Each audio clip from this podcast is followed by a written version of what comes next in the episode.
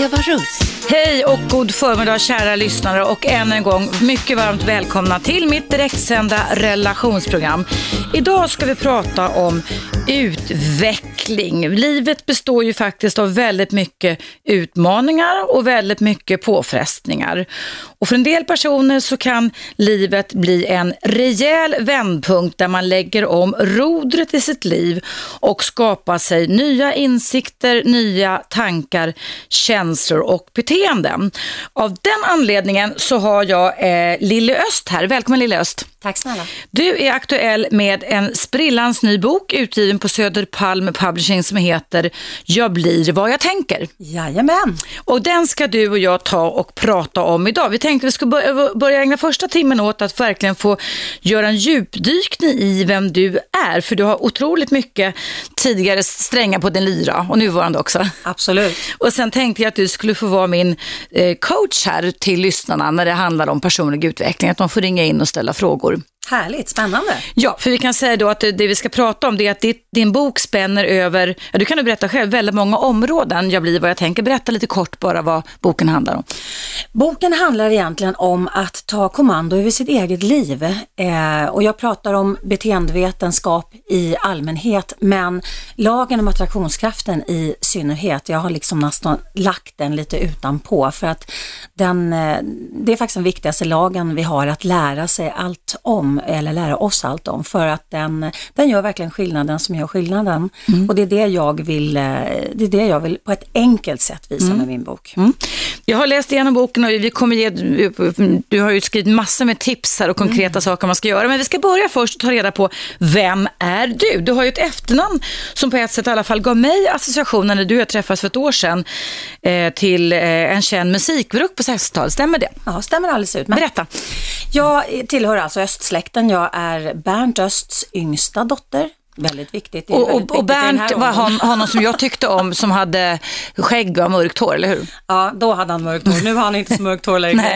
eh, det var pappa som startade Family Four eh, och eh, jag kom med då 1983 mm. Och jobbade med pappa i sju år eh, tillsammans med pappa och Lena, min syster och eh, två stycken till. Mm. P.O. Jönis bland annat, en, en basist och en, en trumslagare som heter Frank Andersson, dock inte brottare. Inte brottaren Frank ja, Andersson, nej. och eh, började med honom. Jag skulle absolut inte in i musikbranschen överhuvudtaget och skulle jag mot förmodan in i musikbranschen så skulle jag absolut inte jobba med pappa. Det var mm. jag väldigt klar över. Som du hör, jag är väldigt principfast. Mm. Oh ja.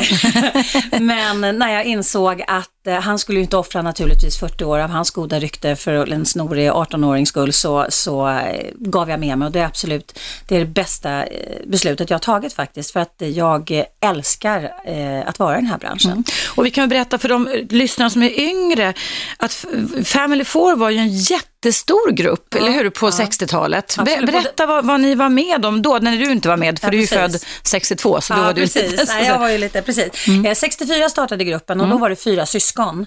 Eh, och det, på den tiden... Syskonen Öst alltså? Syskonen mm. Öst. Det var pappa och Stig och Siv och Inger.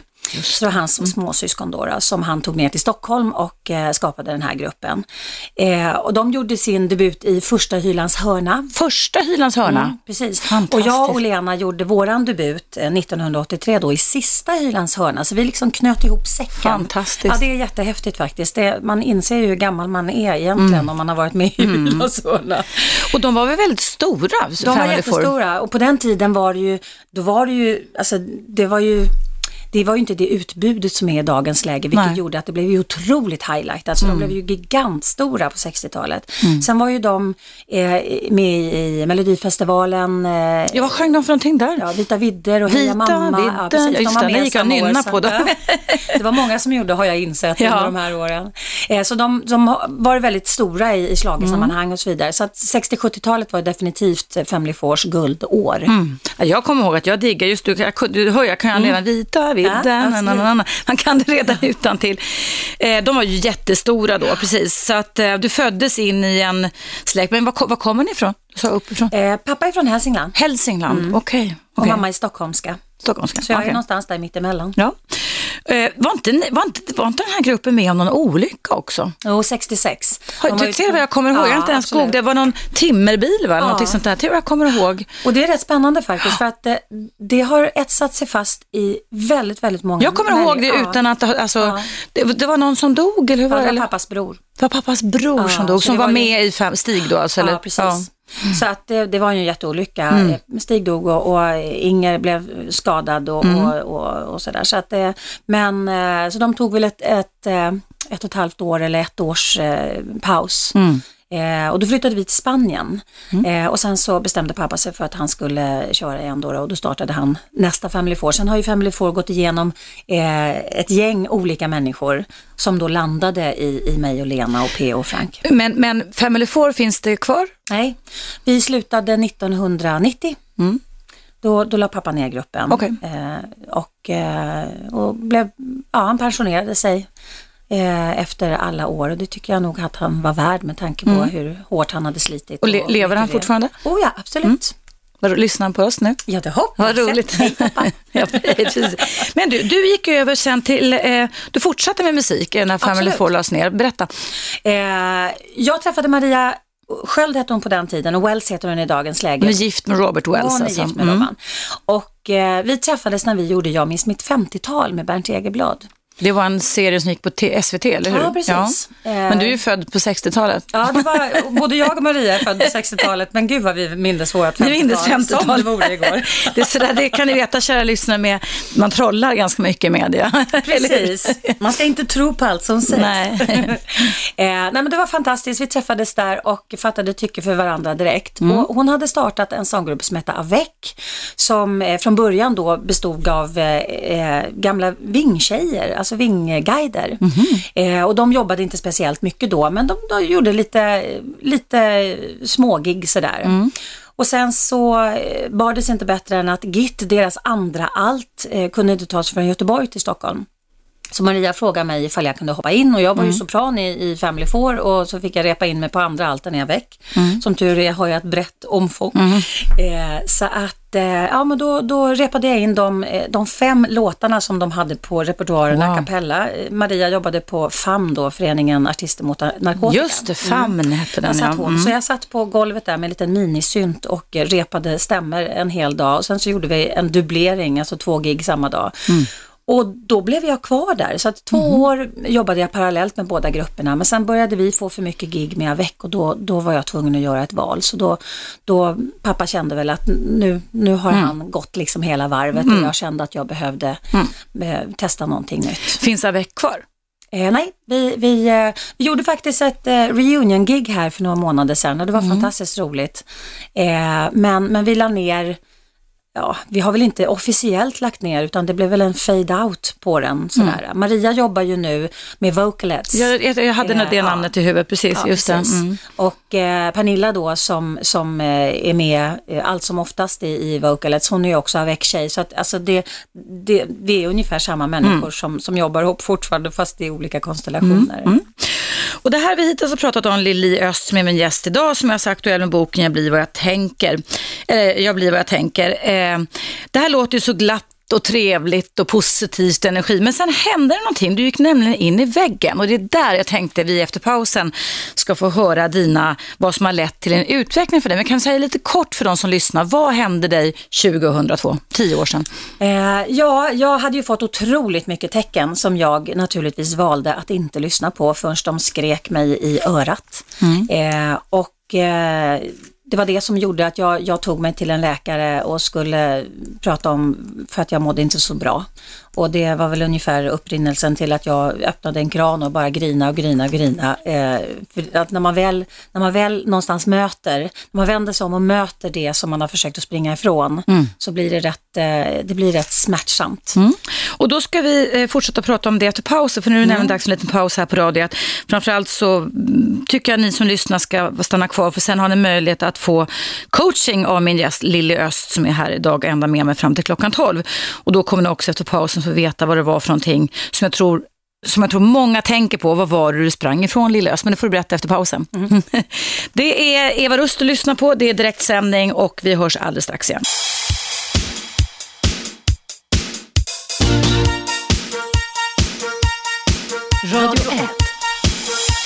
Eva Russ. Varmt välkomna tillbaka till direktsändning. Jag heter Eva Russ och vad heter du? Lili Öst. Lili Öst och du är min gäst ända fram till klockan 12 idag. För att du alldeles nyligen har kommit ut med en bok som heter Jag blir vad jag tänker. Ja. Och innan pausen så berättade du att du gick in i väggen för tio år sedan och sprang ifrån någonting. Vad sprang du ifrån? Berätta. Ja, jag sprang väl egentligen från mig själv.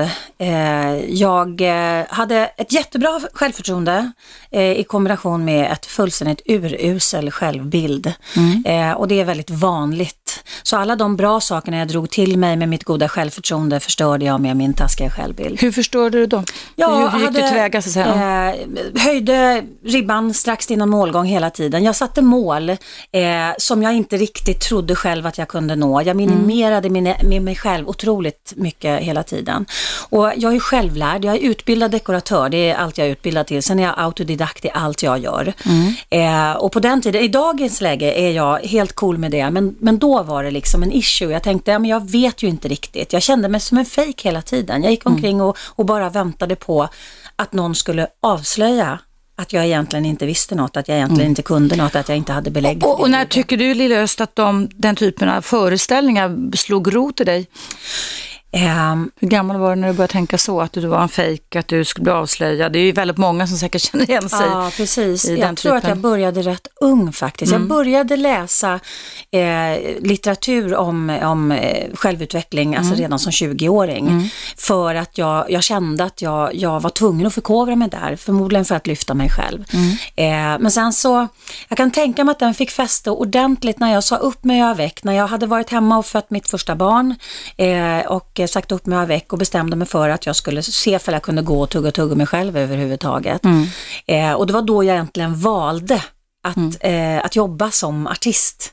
För att jag rullade definitivt in på en, en köttbulle i branschen eh, in i Family Four och mm. sen så vidare in i Avec. Men sen när jag var hemma och var mammaledig med, med min första barn mm. så var det första gången jag liksom fick en, en paus och mm. tänkte efter mm. vad är det jag vill göra, vad är det jag kan överhuvudtaget. Mm. Mm. Och då bestämde jag mig för att men jag måste se vad jag kan göra för någonting.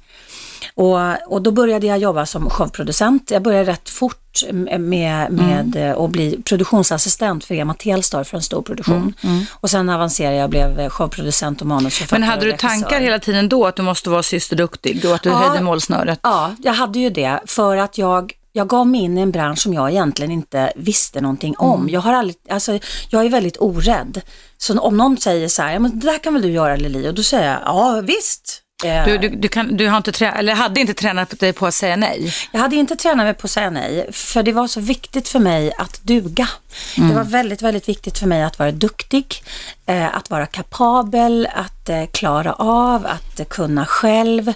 Eh, och kan själv-grejen, den, den har jag förmodligen inte vuxit ifrån sedan jag var tre. Mm. Så att, eh, Men du, hur, hur var symptomen då när du gick in i väggen för 2002? Du sa att du började grå, du grät och grät och grät, men...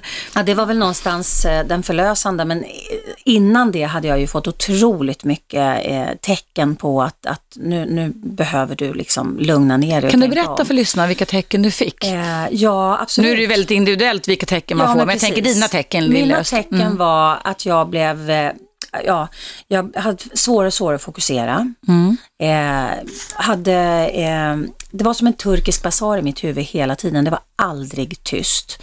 Eh, jag var väldigt, väldigt stressad inombords. Jag fick utslag över hela kroppen. Jag fick utslag runt halsen och mm, på handlederna och i ljumsken och Jaha. under armarna. Och det visade sig, vi trodde det var psoriasis men det visade sig att det var svamp. För en av de sakerna som, som eh, händer när man kör på systemet för hårt är ju att mm. immunförsvaret eh, eh, blir ju väldigt, väldigt klent. Och då är det väldigt lätt att svamp får fäste. Och eftersom jag var konstant trött, eftersom jag inte sov på nätterna, jag vaknade hela tiden med andan i halsen och trodde att jag hade glömt något men visste inte vad okay, jag hade glömt. vad hemskt alltså. Mm. Eh, och då, då käkade jag massa snabbt socker och så gick jag upp i vikt mm. och sen så, för, alltså, då, då matar man ju svampen med, eh, med sockret hela tiden.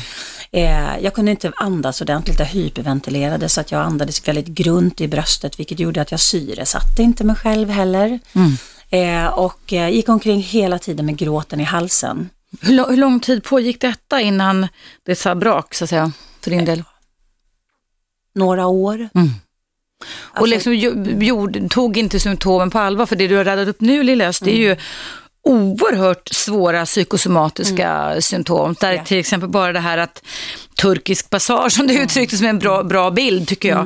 Mm. Eh, och att man får svamputslag i hela kroppen är ju verk eller hyperventilation som är jätteobehagligt. Så jag vet ju många som har ångest eller haft panikångest. Det är förskräckligt känsla rent psykiskt och fysiskt. Borde ju gjort att man stannade upp. Men mm. vad var det som gjorde att du inte kunde stanna upp när du hade alla de här påslagen på kroppen? Tror, tror du nu efteråt när du tittar i backspegeln? Jag tror att det var för att det var så viktigt för mig att eh, klara, klara av det jag gjorde. Det var så viktigt för mig att, att bli lyckad. Jag kände ju mig aldrig lyckad. Mm. Jag jämförde mig hela tiden med, med folk som har lyckats i branschen och jag kände att, dels så kände jag att jag hade liksom ingen rätt att spela på samma spelhalva som dem överhuvudtaget. Mm. För jag tyckte det var patetiskt att jag ens tänkte så. Eh, och sen så, men ändå så jobbade jag ju så hårt för att få det att ja, att släppa och få, alltså, få bra jobb, bra inkomst. Eh, vi hade ju liksom hus och mm. barn och alltså, jag var ju tvungen att försörja mig själv. Men jag tänker det här med att, att du någonstans gick omkring och tänkte, du sa att du minimerade dig själv och mm. att du inte kunde spela på samma planhalva. Då är det ganska typiskt, tänker jag, vad man pratar i min värld om kompensatoriska strategier. Mm. Att man alltså tar i ännu mer då istället, ja. eller hur? Va? Yes. Och det kan ju varit en, en av orsaken då till den här vändpunkten och utbrändhet. Kallas det utbrändhet en diagnos du fick eller? Jag, jag, man kan väl säga att jag gick in i krattan. In i krattan? Ja, ja, det var ny, det var ny, ny, ny benämning. jag, jag, jag, jag, gick, jag ställde mig på krattan och fick krattskaftet i huvudet och liksom stannade okay. typ precis innan väggen. Eh, Eh, jag har väl inte fått någon, någon eh, klinisk diagnos. Mm. Mm. Eh, men däremot så, jag, jag, alltså jag, jag bröt ju fullständigt ihop. Mm. Jag var ju helt urlakad. Jag var ju utmattad. Mm. Eh, och man jobbar jättehårt för att, att alltså, på, för mig blev det så att ju mer saker jag gjorde, eftersom jag inte trodde på mig själv, mm. så började jag göra mer saker. Så, och det är väldigt vanligt när man är frilans, att man någonstans vänder huvudet dit liksom det klirrar med pengar för att man behöver, alltså som frilans vet du ju aldrig när ditt nästa jobb kommer in. Mm. Vilket betyder att du måste hela tiden springa på de jobben som kommer. Du måste jobba aktivt hela tiden. Vilket gjorde att jag gjorde ju bara mer och mer och mer saker. Mm. För jag kände så här, jag måste ha någonting att försörja mig på när det går åt helvete. Mm. För att känslan av att jag skulle bli avslöjad som en, som en bluff blev bara starkare och starkare. Mm. och då, men, men du var ju gift, gift för den tiden och, mm. och så var det inget. Och du har din pappa Bernt och berättade om som spelade i ursprungliga Family Four. Hur, för det tycker jag är ganska intressant att få höra. Var det några som såg de här symptomen som du negligerade? Och vad gjorde du i sådana fall då? Alltså för det är ganska klassiskt tycker jag att man ibland, folk säger men snälla, nej men hörru du, du är just nu tar du i för mycket här. Men att man liksom är som en vatten på en gås, att mm. man inte mm, tar till sig. Har du några minnen av ifall du, hur du reagerade när andra kanske såg vart du var på väg in mot? Mina närmaste vänner eh, såg väl någonstans att jag hade ett beteende som inte håller i längden. Mm. Eh, men jag lyssnade ju inte. Nej. Och jag, jag var en sån, alltså jag var en sån som färghållare. Mm. Det var ju alltså väldigt få som visste vad som pågick inuti mig mm. eftersom det var viktigt att ha en, en, en positiv och, och bra fasad. Mm. Och jag har ju alltid varit en väldigt glad människa. Jag, är, jag älskar att leva, jag älskar att inspirera och jag mm. älskar att skapa. Jag mm. älskar verkligen det. Men, men jag hade någonstans kommit fram till en punkt där jag, jag bara jag bara grät inombords mm. hela tiden. Så till slut så kände jag så här, när telefonen ringde så kände jag bara, ring mig aldrig mer. Mm. För att jag, jag orkade inte mer ett, du vet, inte, jag orkade inte mer en sak till. Nej. Och hur länge, så att de här, du hade alltså svårt att fokusera, turkisk basar inne i huvudet, stressad, utslag, svamputslag, trött, hyperventilera, massa andra saker. Mm. Så gick du till doktorn och sen blev du sjukskriven sen då? Eller? Ja, jag blev sjukskriven. Mm. Hur länge var det? Jag var sjukskriven i knappt fyra månader. Mm. Eh, men sen, nej, sen började jag jobba igen. Jag hade inte råd att vara sjukskriven mm. kände jag. Jag hade inte tid att vara sjukskriven heller. Var det bra eller dåligt tycker du? Ja, det för fyra månader låter väldigt kort tid. Ja, det är ju väldigt mm. kort tid. Så att det tog mig väldigt, väldigt lång tid att läka. Mm. Eh, och, och, en gång utbränd så har, alltså det är ju en skada man har, så att i dagens läge är jag ju inte alls lika stresstålig. Nej, nej man kan eh, gå igång snabbare. Absolut, ja. men jag har en medvetenhet som gör idag att när jag börjar känna att, att det alarmerar för mycket, mm. då stänger jag av. Mm. Du, eh, vi ska alldeles strax ha nyheter här på Radio 1 och du, Mm. du heter Lili Öst. Lille Öst, heter du, precis. Aktuell med en bok som heter, Jag blir vad jag tänker. utgiven på Söderpalm Publishing. Just det, den kom alldeles nyligen. Den handlar, och den ska vi prata om sen efter pausen. Men lite kort bara, Lille Öst. Eh, vad, på vilket sätt, alltså, hur kom det sig då att det här blev en vändpunkt för dig? Eh, jo, jag, eh, när jag skulle då tillfriskna ifrån det här beteendet. Jag gick, samtidigt som jag gick till en psykolog som var fantastiskt eh, spännande att göra. Eh, dyrt dock, så jag hade inte riktigt råd som, som eh, egenföretagande eh, sjukskriven människa att gå för länge. Men det var väldigt nyttigt och parallellt med det så gick jag till en rosenterapeut. Jag tog eh, kroppsbehandlingar, healing samtidigt som jag gjorde det här. Eh, och det var, jag fick otroligt bra koll på att jag, att jag gav bort min energi hela tiden. Jag, liksom, jag läckte ju som ett såll. Eh, Det var en bra bild att säga att man gav bort energin. För det är väldigt, du vet vad jag ser på klockan här, att vi måste ta en liten paus. Och jag tänker att många lyssnare kanske också vill höra lite efter pausen om vad är rosenterapi? För det här är ju ändå ett terapeutiskt delvis inriktat program med. Jag har gått på det tror jag en gång och gillar inte sådär jättemycket. Men det, men det var många, många, många år sedan. Men sen har jag reviderat min uppfattning kring det. Eh, och sen så småningom får ni börja ringa och ställa frågor. Men vi ska sen börja prata också innan elva om din bok, innehållet i din bok i sådana fall. Nu är det i alla fall dags för nyheter här på radiet. Jag heter Eva Russ. Det här är direktsänd relationsprogram. Min gäst heter Lille Öst. Frekvensen 101,9 och numret så småningom om ni vill ringa in i 0200 12 13. Vi hörs efter pausen.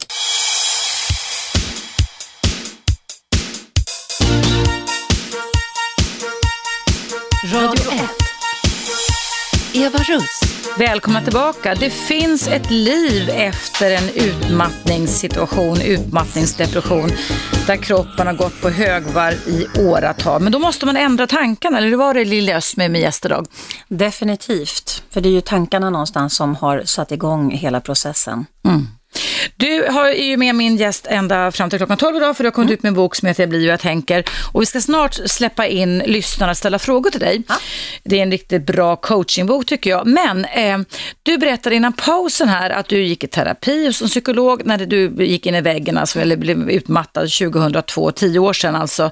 Och sen gick du på någonting som heter rosenterapi. Kan du berätta lite, lite kort vad det är för någonting? Ja, det är en typ av healing kan man väl säga, som, eh, där man känner av eh, var, var det finns blockeringar i kroppen. Hur går det till? Eh, ja, man, man, eh, den som gör terapin, då, terapeuten, håller, på kron, eller håller över kronchakra som är uppe på huvudet och Mm. sen så känner man av, alltså de, de som jobbar med rosenterapi är Mm. väl intuitiva, rätt högintuitiva. För tänker jag, för jag trodde, jag sa innan pausen, att jag har gått, uppfattade jag på rosenterapi för 15 år sedan, ville testa det, men då tyckte jag att de tryckte, vet inte vad den terapi var, man tryckte på olika ställen i kroppen, där man hittade ilska, vrede och sådana saker. Men det gör man inte i det du gick i alla fall? eller Nej, inte den Nej? rosenterapeuten jag var hos i alla fall. Men hon löste upp otroligt mycket energiknutar. Nej. Så Allting- bara genom att hålla händerna på runt Ja. omkring dig så Ja, händer det så- saker så i kroppen? det, ja, helt fantastiskt faktiskt, helt sjukt. Men, men eh, Hur länge höll en sån session på? Eh, en timme. Okej, Hur många gånger ungefär minns du att du gick? Ah, Jag kommer inte ihåg, jag gick väl, ja kan ha gått kanske någonstans mellan fem och tio gånger. Okej. Mm. Eh, Och så vad konkret hände med din kropp och din själ efter de här rosenterapibehandlingarna? Alltså det är ju väldigt bra att när man ska försöka läka sig, att det är bra att, att både göra fysiska och psykiska eh, åtgärder så att säga, för att man får ju mycket bättre effekt av det. Och eh, hon, man kan säga all, all, alla, allt som händer oss stannar ju i cellminnena, det, det sätter ju sig i cellminnen och det är väl det man med, med energins, alltså att styra om energier, att man någonstans luckrar upp energiblockeringar i kroppen. Och, eh, eh, och det, det behöver man inte, inte alltid härleda till situationen, men många gånger så förstod jag vad det var för någonting som kom upp. Eh, och då kommer ju känslorna upp till ytan. Man kan Så gråta den- ganska mycket, vad tror jag har jag helt, hört. Ja, Ja. absolut. Eh, vissa sessioner var helt sjuka. Jag, alltså, det var inte jag som grät, utan Nej. det var min kropp som grät. Kroppen grät. Mm. Men, men eh, jag kände, vet, jag kunde känna mig som jag hade gått ner 10 kilo efter Mm. en sån här uh, session. För att det liksom lossade, du vet, tömma ryggsäcken Mm. helt enkelt. Vi bär omkring på så otroligt mycket saker som vi inte är medvetna om, men som sitter i vårt undermedvetna Mm. och faktiskt stör ganska ordentligt. Och i kombination då med, med eh, den här psykologen jag gick till under en väldigt kort period. Sen jobbar jag väldigt, väldigt hårt själv eh, med att, att någonstans ta reda på, för jag förstod rätt fort att det var inte bara hårt arbete som hade gjort att jag gick in i väggen eller att jag blev utbränd, utan det handlade definitivt om hur jag tänkte och vad jag hade för tankar om mig själv och hur jag vad jag tänkte om, om situationen. Det, det är ju som bekant inte hur du har det utan hur du, Du tar det, ja, visst.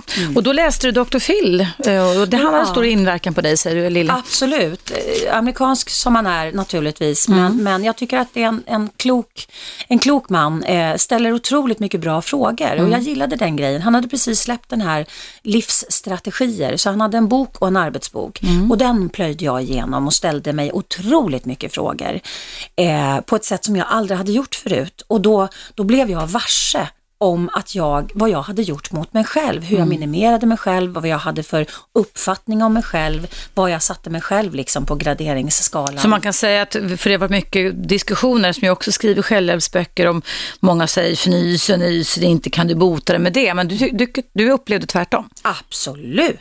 För jag menar, om inte, om inte du kan ta kommando över dig, så blir du ju, alltså, då blir man ju ett gungfly som styrs. Jag var, jag var väldigt mycket till lags till exempel. Jag var en riktig tillagsare. Och när man är en tillagsare då känner man hela tiden av hur andra människor vill att du ska vara för att ni ska få en väldigt bra relation. Och, och det gör man ju med alla, vilket gör att det finns ju ingen paus någonstans där du kan känna efter hur vill jag vara för att jag ska vara mitt bästa jag. Och jag hade ju definitivt förlorat mig i tillagsträsket, den saken är säker. Och det är ju också det som eh, kallas också för livsteman av vissa. Jag har haft det under hösten här ifrån Jeffrey Young som är professor i psykiatri och psykologi i USA som skrivit en bok som heter Livstema. Eh, Lev det liv du vill och inte som du har lärt dig heter Ja. den boken. Det är en väldigt bra bok också. Men du, nu ska vi prata om dig och din bok. Så i alla fall de här erfarenheterna och din rehabilitering av dig själv, ledde, ledde det då till vad då? Det ledde ju till först eh, när jag höll på att läka mig själv från min egen utbrändhet så började jag prata med, ja men det, det gör vi ju tjejer, vi börjar prata med folk och sådär. Och jag började inse att, att det var så otroligt många människor som mådde lika dåligt som jag av ungefär samma anledning. Och eftersom jag är en scenpersonlighet så kände jag ju direkt, okej nu, nu använder jag mig av, av min, min, min scennärvaro till att hjälpa andra människor. För jag förstod att jag, jag hade förstått någonting väldigt viktigt. Och, och jag känner så här, det är ingen idé att gå igenom saker om du inte kan hjälpa någon annan när du kommer igenom det. Alltså så tänker jag. Så då skrev jag min första musikaliska föreläsning som hette Paus eller kaos. Som just handlar om stress och utbrändhet och dålig självbild. Hur, hur tätt Vilken bra titel. Paus eller kaos. Ja, det var ju lite så. eh, men sen så var det faktiskt, eh, och jag jobbade ju jättemycket med Dr. Phils eh, livsstrategier och jag kom till otroligt mycket klarhet. Sen skilde jag mig. Eh, Vad pratar man få nu? Ungefär hur länge sedan? 2004 Okej. Mm. skilde vi oss, jag och min exman. Och eh, då fortsatte jag jobba väldigt, väldigt medvetet med, eh, alltså vem, vem vill jag vara nu? Alltså jag var ju tvungen att hitta en ny, ett nytt sätt att tänka, ett nytt sätt att leva på. Mm. Och jag hade ju som sagt läst den här typen av litteratur om, om tankens kraft och om ljusets kraft och om beteendevetenskap i stort och psykologi för att jag, jag älskar verkligen de här ämnena för jag tycker de är väldigt, väldigt spännande. Eh, och jag hade ju läst dem sedan jag var i 20-årsåldern. Men så var det en följd av tre böcker och det har väl inte, de två första böckerna är ju jättebra böcker naturligtvis, men jag tror att de var liksom bara i bra följd. vilka så först läste jag en bok som heter Det kan bara bli bättre, som handlade om krisens alla olika faser. Eh, och sen så nästa bok var det Sumo som står för Shut Up Move On. Eh, och sen så den tredje boken var The Secrets. Och då helt plötsligt förstod jag vad jag hade läst i, i 20 år. För att genom de böckerna så förstod jag någonstans essensen. Jag, hade, jag jobbade stenhårt på att förändra mitt liv och det gick jättebra. Jag gick från klarhet till klarhet. Saker började, började liksom komma till mig. Rätt personer, rätt situationer, jobb och så vidare. Jag var ändå liksom frilansande ensamstående tvåbarnsmorsa helt plötsligt. Eh, och, eh, Och så helt plötsligt så fick jag bara världens lavett tillbaka på ruta ett. Och sen så jobbade jag jättehårt framåt och så fick jag en lavett tillbaka till ruta ett. Och jag förstod liksom inte, all, all utveckling sker ju i platåer. Mm. Men det här var så otroligt från liksom 0 till 100 eller rättare sagt från 100 till 0 hela tiden. Mm. Så jag började fundera på vad 17 gubbar är det som händer? Mm.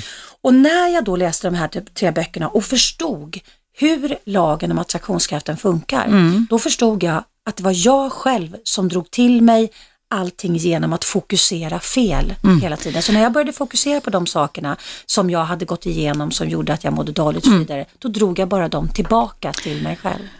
Lagen om attraktionskraft eh, har du skrivit om i boken mm. och det ska du få berätta om efter pausen. Men nu. Lilja Öst med min gäst idag ända fram till klockan 12 så tar vi en liten paus och du lyssnar på Eva Russ i direktsänt relationsprogram på Radio 1.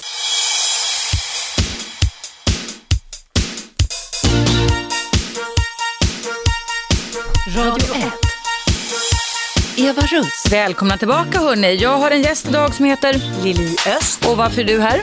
Jag har precis släppt en bok som heter Jag blir vad jag tänker. Just det, och det har du, den har du skrivit efter mycket möda och stort besvär eftersom du själv gick in i väggen för tio år sedan. Mm. Och sen skaffade, gjorde ett gediget bra jobb säger jag som psykoterapeut med dig själv. Härligt. Eh, har jobbat och läst på böcker och självhjälpsböcker som man absolut inte ska förakta, eller hur? Absolut inte. Nej. Och gått i olika typer av terapier. Och sen började du liksom lägga ihop alla dina insikter och klokheter och summeringar och kom fram till lagen om attraktionskraften. Ja. Berätta vad det är, du har skrivit om det i din bok. Ja men precis, jag mm. hade ju läst om den själv i kanske 20 år innan jag på ett helt annat plan förstod hur den fungerade. Och det, det var faktiskt genom boken The Secret som, som då jag läste på engelska, det här är ju tio år sedan. Mm. Mm. Eh, och, eh, och när jag förstod när jag förstod att man själv attraherar otroligt mycket saker in i sitt liv genom sina tankar och hur du, vad du fokuserar på. Mm. Då förstod jag också vad jag ställde till i mitt eget liv. Och det var då någonstans som vändpunkten på riktigt kom faktiskt, när jag, när jag själv någonstans kunde se, okej, okay, det här funkar inte för att, mm. det här händer mig hela tiden för att, eh, för att jag själv drog till med det när jag mm. började fokusera på det. Är det det man menar i lagen om attraktionskraft? Lagen eller? om attraktionskraften är ju alltså en universell lag, det är en mm. naturlag och alla naturlagar har ju ett statiskt skeende. Gravitationskraften är också en, en, naturlag och det är inte så att du ramlar upp i ett träd bara för att du inte vet hur den lagen funkar eller att du inte tror på den. Du, du ramlar ju lik förbannat ner ur träden, eller mm. Mm. För att den funkar som den funkar. Mm. Och lagen om attraktionskraften fungerar så att lika attraherar lika. Mm. Och allting i universum är vibrerande energi och även vi och våra tankar och känslor. Och ju, ve, ju, mer vi tänker en tanke, ju mer vibrerar den och ju mer den vibrerar desto mer magnetisk blir den och börjar dra till sig saker som ligger på samma vibrationsnivå och, och, mm. och vibrerar. Mm. Eh, och det är inte så att det är bara det som vi vill ha som vi drar till oss mer av, för det är så att vi har fullt fokus på det som vi absolut inte vill ha, så det är ju det som vi blir magneten för. Kan du ge ett konkret exempel? Du sa ju då att du hade egentligen en dålig självbild, bra självförtroende, egentligen kanske självkänsla också man kan säga. Du hade gott självförtroende utåt, dina ja. beteenden var störtsäkra. Ja, yes. Men innerst inne så tvivlar på dig själv och mm. du förminskade dig själv och då kompenserar jag med att vara alla till lags, mm. eller hur? Precis. Och ta i så du rök och vara syster duktig och allt mm. det där. Hur funkar då attraktionskraften om du sätter in det i dig själv, Lilja Öst? Ja, med tanke på att jag hela tiden fokuserade på att jag inte kunde, att jag mm inte räckte att jag hela tiden tvivlade på mig själv. Om man tänker då att lika attraherar lika, är det där mitt tankefokus ligger, då är det ju det jag drar till mig mera av. Så det blir ju en självuppfyllande profetia. Mm. Så att, eh, och, och, och lagen med attraktionskraft, alltså i universum och i vårat undermedvetna så har vi inga negationer, vilket mm. betyder att ordet inte finns ju inte. Mm. Vilket betyder att om man hela tiden säger jag vill absolut inte ha det här i mitt liv. Och det finns väl ingenting som vi lägger så mycket känslor bakom som de sakerna som vi absolut inte vill ha. Mm. Och känslor gör att det vibrerar ännu snabbare och drar till sig ännu mer av det som liknar. Och vi kan bara bjuda in saker, vi kan inte tänka bort saker eftersom vi så fort vi sätter igång en tanke så börjar den vibrera och ju mer du fokuserar på den ju mer magnetisk blir den ju. Mm. Så har du fullt fokus på de här sakerna som du inte vill ha, som du avskyr, som du är rädd för, som du, som du irriterar dig på. Om det är det, där ditt fokus ligger, ja då är det det du blir magnet för att dra till dig mera av. Det är så, okej. Okay. Så eh, vad om vi då kommer in på din bok som du skrev, mm. för det som heter Jag blir vad jag tänker, utgiven på Söderpalm Publishing ut, i november då, eller ja. Den finns i alla bokhandlar. Jajamän. Ja, Ad, Adlibris, Bokia, Bokus, eh, NK, Åhlens, äh, inte Åhléns nu. Ja, det är lite olika. Eh, men Akademibokhandeln naturligtvis, okay. mm. och Bokskotten vet jag. Det är en tjock bok. Ja. Det är väldigt, ska se här, det är alltså Två, ja, 250 sidor mm. ungefär. Ja. Hur lång tid tog det för dig att skriva den här? Ja, det har ju tagit, eh, det har ju tagit kanske två år, eh, mm. inte att skriva den, men att för att den ska bli den boken den är. Mm. Eh, jag skrev, alltså det började med att jag skrev, jag tror att det var 39 A4-sidor mm. som jag började skicka runt till förlagen och tyckte att de borde förstå att det här är en kanonbra bok. Mm. Eh, men sen träffade jag en lektör som hjälpte mig och jag hade ju aldrig skrivit en bok förut, jag hade ingen aning. Eh, men hon hjälpte mig faktiskt väldigt, väldigt väl att, eh, att uh, utveckla mm. uh, hela boken. Uh, och sen så gick den många turer och sen så till slut så, så landade den på Södermalm okay. Publishing och där mm. var det också en fantastisk redaktör som, som lyfte den eh, lyfter mig. Mm. De, det, det, är ju jag som har skrivit boken så att säga, men jag fick en väldigt, väldigt bra coachning. Så att från vad den började med till vad den är idag så är det ju eoner av skillnad. Mm. Mm. Men, men eh, den behövde gå, alltså jag tänker så här, den behövde gå den här mm. vägen för att bli den boken den är mm. idag. Och vad innehåller boken rent konkret? Vad, vad, vad, är det för områden du coachar kring? Eh, ja, dels så, så, förklarar jag lagen om attraktionskraften eftersom jag anser att, att det är en sån otroligt viktig eh, sak att lära sig allting om för att kunna skapa det man vill ha i sitt liv. Mm. Och jag pratar om relationer, jag pratar om mål och drömmar, om arbete och livssituationer, om självbilden, om tillaksandet, mm. eh, om pengar, vikt och hälsa och om hur man skapar, eh, hur man skapar eh, verksamma affirmationer. Och affirmationen det, det, det handlar ju om eh, att lägga in beställningar helt enkelt på vad du vill ha. Mm. Beställningar till hjärnan kan man säga till hjärnan, nästan, eller hur? Ja, mm. precis. Mm lägga in beställningar till hjärnan. Det var, mm. det, jag har också jobbat mycket med affirmationer och så vidare, men det var en väldigt bra, det var väldigt bra ord och begrepp tycker jag på det här. Ja, Turkisk basar, ja. man känns alldeles förvirrad i huvudet. och beställningar till hjärnan. Ska jag använda mig av sen? Jag får, ja, får, göra det. får jag göra det? Vad bra. ja, så att, eh, så att, vad kan läsaren få ut då av den här boken? Den täcker ju in det du sa, sa nu Lilla Öst, det är, ju, det är ju livet egentligen. Alltså alla områden i livet där man kan få olika typer av tips. Kan du ta något konkret tips från något av de här områdena och bara berätta lite kort så ska vi börja be lyssnare ringa in nu då? Absolut. Ja. Hörrni, nu får du som lyssnar, man som kvinna, ung som gammal, ringa in och få rådgivning här eller diskutera detta med Lilly Öst med min gäst ända fram till klockan 12. Det handlar alltså om coachning kring att eh, förstå sig själv bättre, eh, vilket då Lilly Öst med råga har gjort efter att ha fått en vändpunkt 2002 tio år sedan. Hon är full av energi, sprudlar. Det, det är mycket attraktionskraft här inne. Inte att du och jag kära varandra på något sätt, men, men det är liksom mycket energi här inne. Eh, och eh, ni kan alltså ringa in på 0200 11 12 13. Ska vi ta den som ringer nu? Ska vi ta ett samtal nu medan du... Vad spännande. Så hinner vi prata. Ska se. Hallå, vem finns där? Ja, det är Susanne som ringer. Hej Susanne, välkommen till mig och Lili Öst. Hej. Ja, hej Lilly. Hej! Eva. Du, det här är så intressant för att det här blev jag bekant med redan på 80-talet. Mm. Det här med positivt tänkande och det var genom en god vän som tydligen tyvärr gick bort för ett år sedan. Jag har berättat om det tidigare i programmet. Eh, Anna-Stina Anna-Stina, ja. ja. Och, du har väl, och hennes bok heter ju Tänk dig ett bättre liv. Jajamän, den har jag läst. Den har du läst ja. Absolut. Och, ehm, och det var så att Anna-Stina själv blev inspirerad av Joseph Murphy. Mm. Och det var han som började med det här med, med ehm, med uh, att tänka sig att vi faktiskt själva hade kraft i tanken att ändra.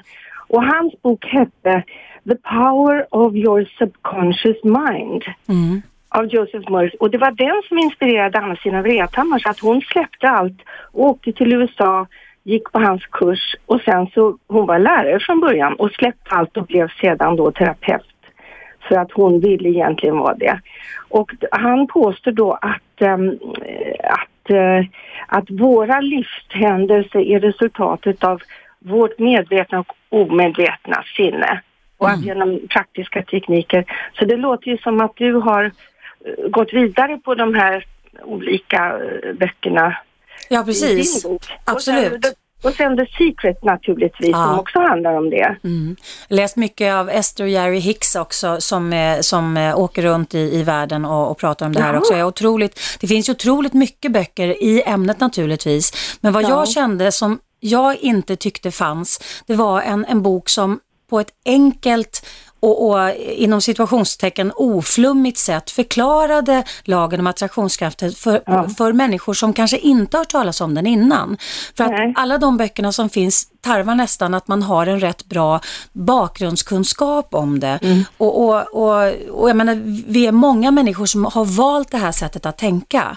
Eh, och då går man ju, alltså då hänger man gärna på, på eh, Vattumannens bokhandel i Stockholm och där det finns den här typen Ja. av litteratur och så vidare. Men sen finns det otroligt många människor som skulle behöva förstå hur den fungerar för att kunna förändra sina Ja. liv. Så då vill jag skriva en bok någonstans som, som gör att det, det är lite ja, enkelt och inte så hotfullt att ta till sig. För det är väldigt ofta många människor tänker så här Ja. att Nej, men det, där är, det där är inte min grej, det där är lite new age-flum och Ja. det där är inte min grej.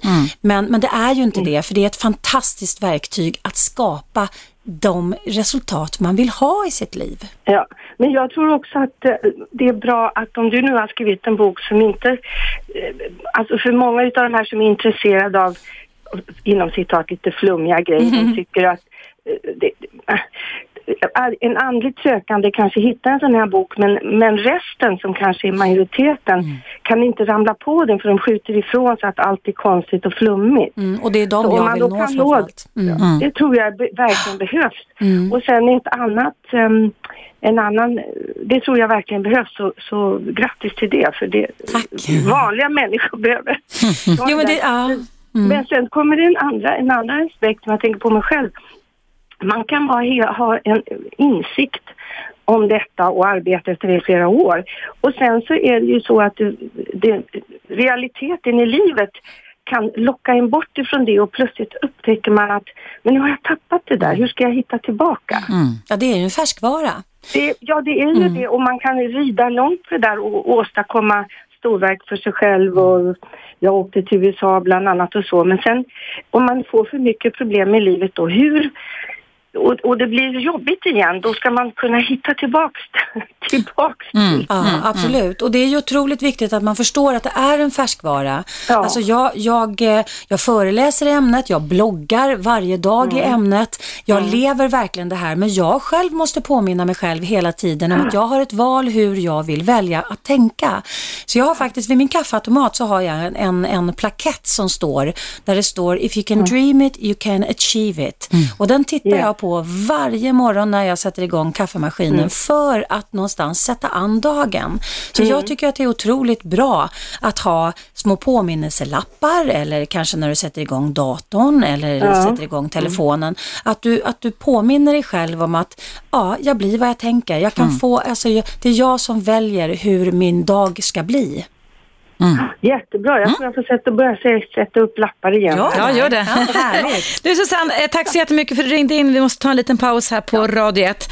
Eh, God jul på dig om vi inte hörs imorgon kanske. Ja, så länge. Hej, hej. Eh, Och ni kära lyssnare, ni ska alldeles strax lyssna på bland annat senaste nyhetsuppdateringen på Radio 1, frekvensen 101,9. Jag heter Eva Russ och idag så har jag gästen Lilly Öst som är med mig ända fram till klockan 12 som även i pausen så kommer här kommer att besvara frågor som har med kan man väl säga personlig utveckling att göra när man har gått in i väggen, hur, vad man, hur man ska hantera sig själv med nya tankar. Ehm, Absolut, och I- inte bara när man har gått in i väggen Nej. utan också i förebyggande syfte för att inte, inte gå in, i väggen. Precis, precis, det var bra att du... Och då är numret in till mig och Lille Öst 0200 11 12 13 och vi hörs efter pausen som kommer här.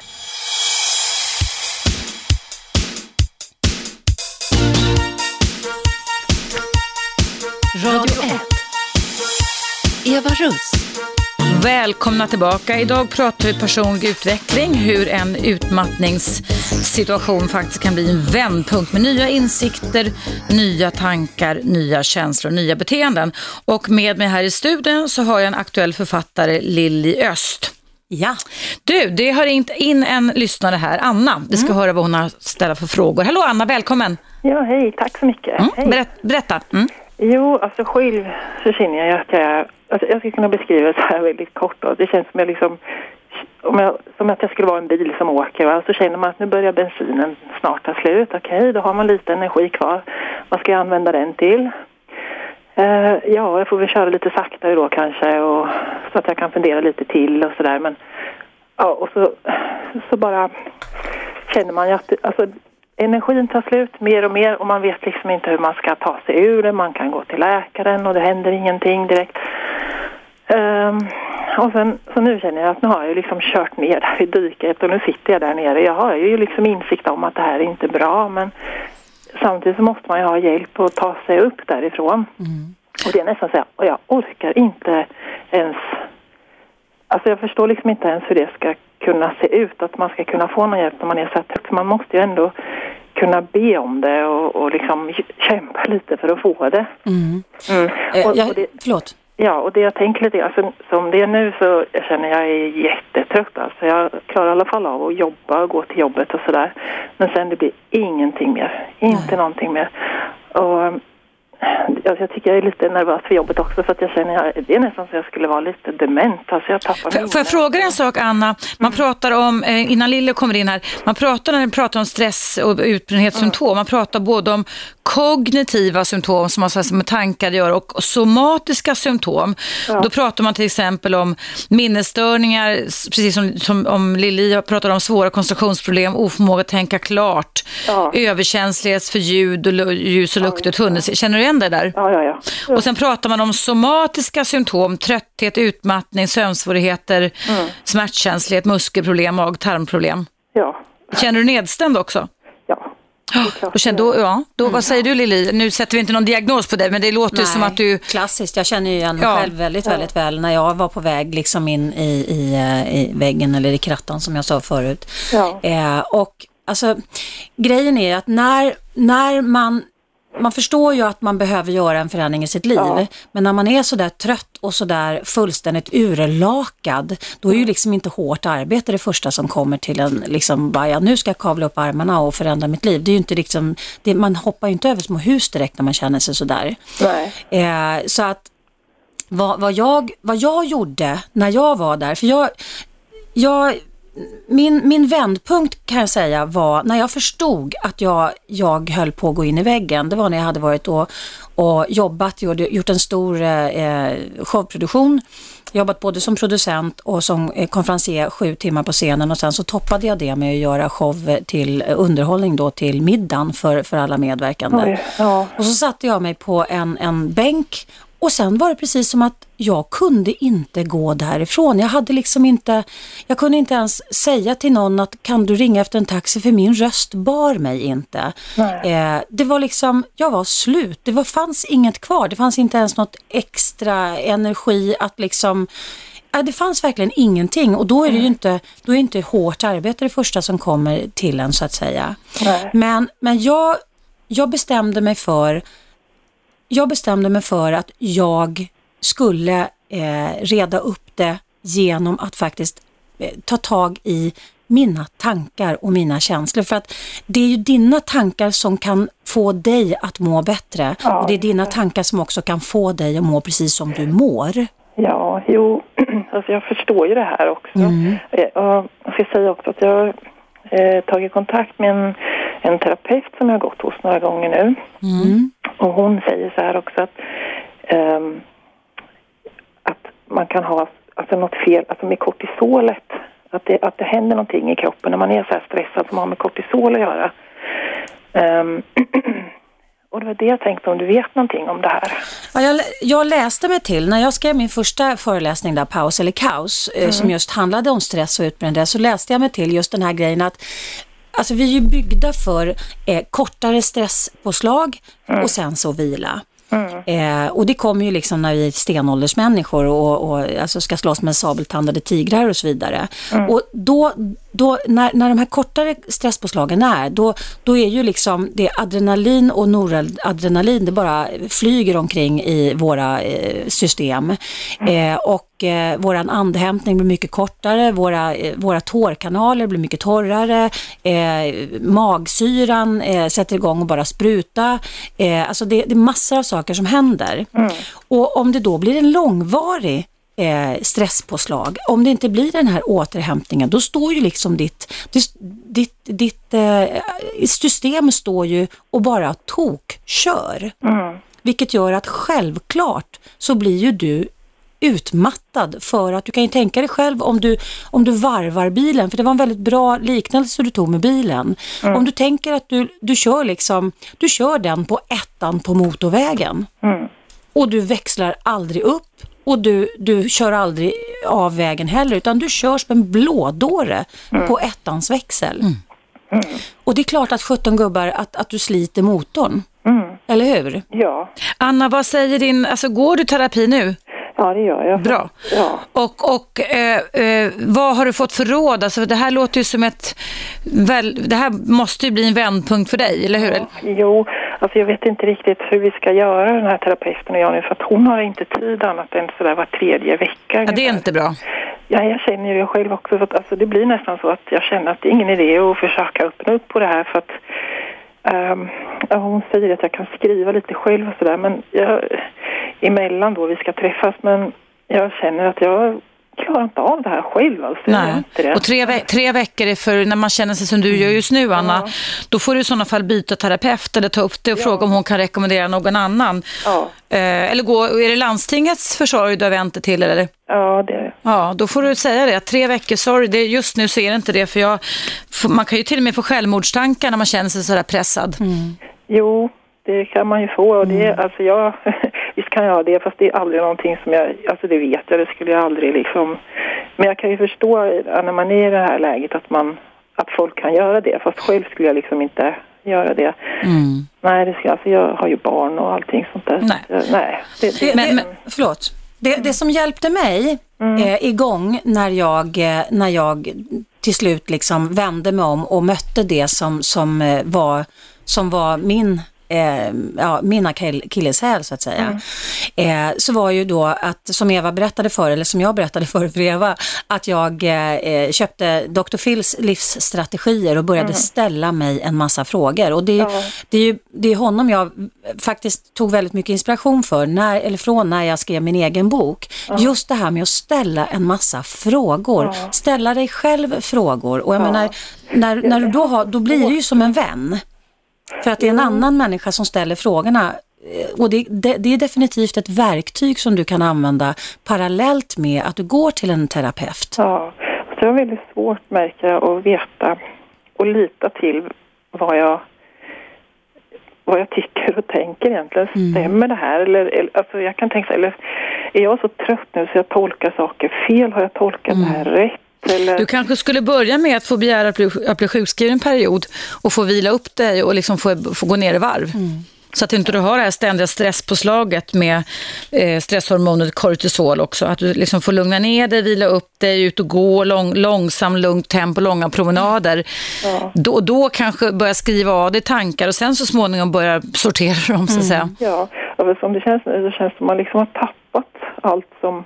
Mm. Men det har du inte gjort, det är bara att du, du, du kan inte hantera, du, du har inte tappat något men du har tappat kontakten, kan man väl säga Lilly, med, det som är du. Du Anna, vi, måste ta en liten paus här just nu. Vill du stanna kvar eller räcker det med det, de råd du fick av Lilly? Eller? Eh, ja, jag vet inte. Alltså, det som är väl då att man får väl försöka ta kontakt med någon terapeut som har tid med lite... Ja, absolut, som sätter dig i centrum, som har tid för dig. Att inte du ska anpassa dig efter terapeutens agenda utan de får anpassa sig efter din tycker jag. Ja, det, det tänker jag är, är rätt vanligt. För jag menar, folk som blir utbrända, de är ju inte, alltså det är oftast högpresterande människor som blir Ja. utbrända, som också då har en, en dålig självbild. Och någonstans så är ju inte det speciellt bra att gå till en terapeut som säger jag har inte tid med dig. Nej. Utan du, alltså du, du någonstans måste bestämma dig för att du är viktig för dig. Vilket betyder att du tar in, du drar till dig folk som faktiskt också tycker att du är viktig. Ja, ja. Gör det. Och hör av dig på, ny- på nyåret och berätta hur det går. Anna, stor kram Tore. Tack för att du lyssnar på oss. Ja, lycka till. Tack. tack ska ni ha. Hej, hej. Ja, kära lyssnare, tiden går fort här. Det är dags för en liten paus här på Radio 1. Men ni kan fortfarande fortsätta ringa in om ni vill ha tips och rådgivning kring utmattning och utbrändhetssymptom som faktiskt då i min eh, Jess Lillösts fall ledde till en förändring av livet. Ett lappkast ändrade livet ordentligt, la om rodret och skrev en bok som heter Jag blir vad jag tänker. Numret in studion är 0200 11 12 13.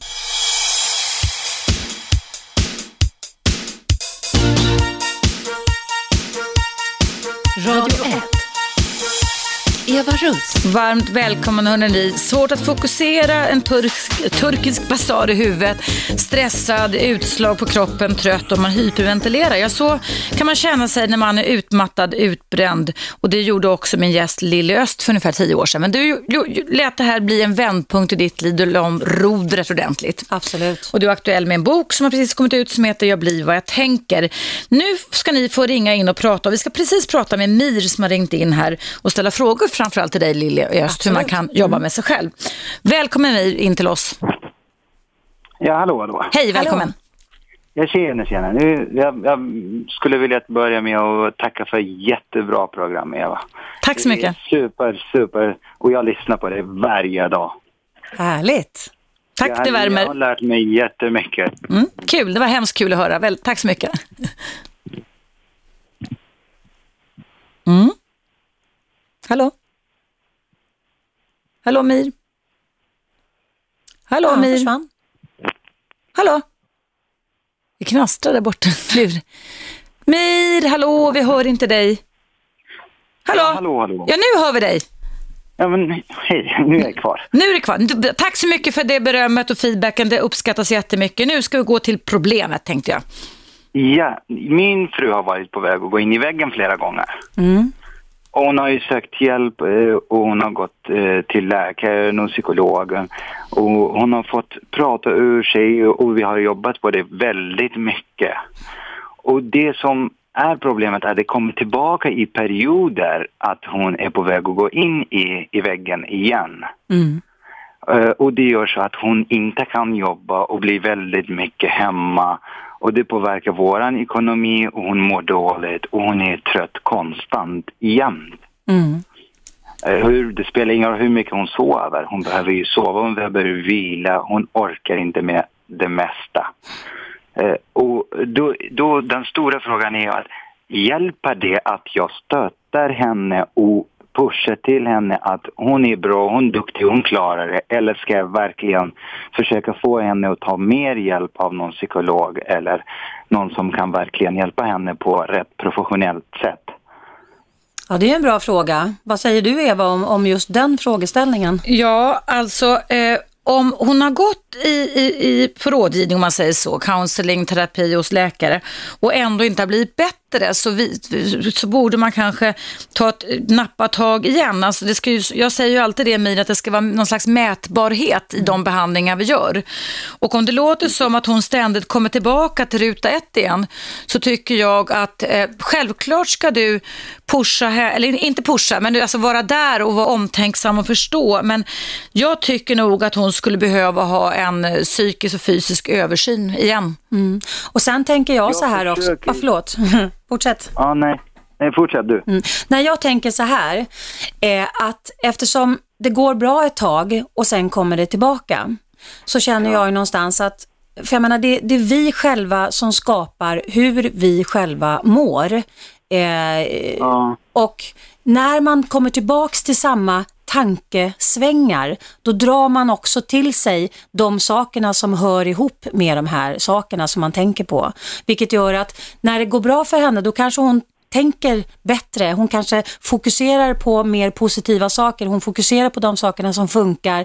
Hon fokuserar på de sakerna som hon vill bjuda in. Och de, när det väl börjar vända igen så att säga, då kanske det är så att hon styr om sitt fokus på de sakerna som hon saknar, på de sakerna som, hon, som inte fungerar, som hon inte tycker om och så vidare. För att det jag skriver om i min bok och det jag pratar om när jag föreläser, det är ju då tankens kraft och hur otroligt stark inverkan tankeskraft har på våra liv och hur våra mm. tankemönster fungerar. För att om du har fullt fokus på de sakerna som inte funkar, som du inte vill ha, som du är rädd för, som du ja, lider brist av eh, eller vad det kan vara för någonting, då är det ju det som du blir magnet och drar till det mera av. Och, och när jag upptäckte hur lagen attraktionskraften fungerade i mitt eget liv. När jag drog tillbaks hela tiden de sakerna som var svåra och jobbiga i mitt liv, ja då hamnade jag på ruta ett hela tiden. Och det var när jag förstod att mina tankar skapar mitt liv och mina resultat. Det var då jag kunde göra en riktig förändring i mitt liv för att jag såg mönstret. När jag började liksom hänfalla åt eh, kristankar, när jag började hänfalla åt bristtankar, det var då mitt liv började vända, gå åt fel håll igen. Men hur får man, hur, det är ju inte särskilt lätt och ska jag säga till henne att tänk inte på det, gör Nej det går inte, nej, för då, det blir ju negation. Nej, nej. Men, men, man ska inte säga tänk inte på det här utan grejen är om, om vi tittar hur vi gör med barn när ett barn har eh, sprungit eller slagit sig och gråter. Vi försöker ja. ju hela tiden att vända fokus på någonting annat. Eller hur? Vi säger ju inte gråt inte, utan vi säger titta där, en lampa. Alltså, och, och, att göra på samma sak, inte tänk inte på det här utan fokusera på det här istället. För att det jag handlar ju någonstans... Jag, ja. Mm.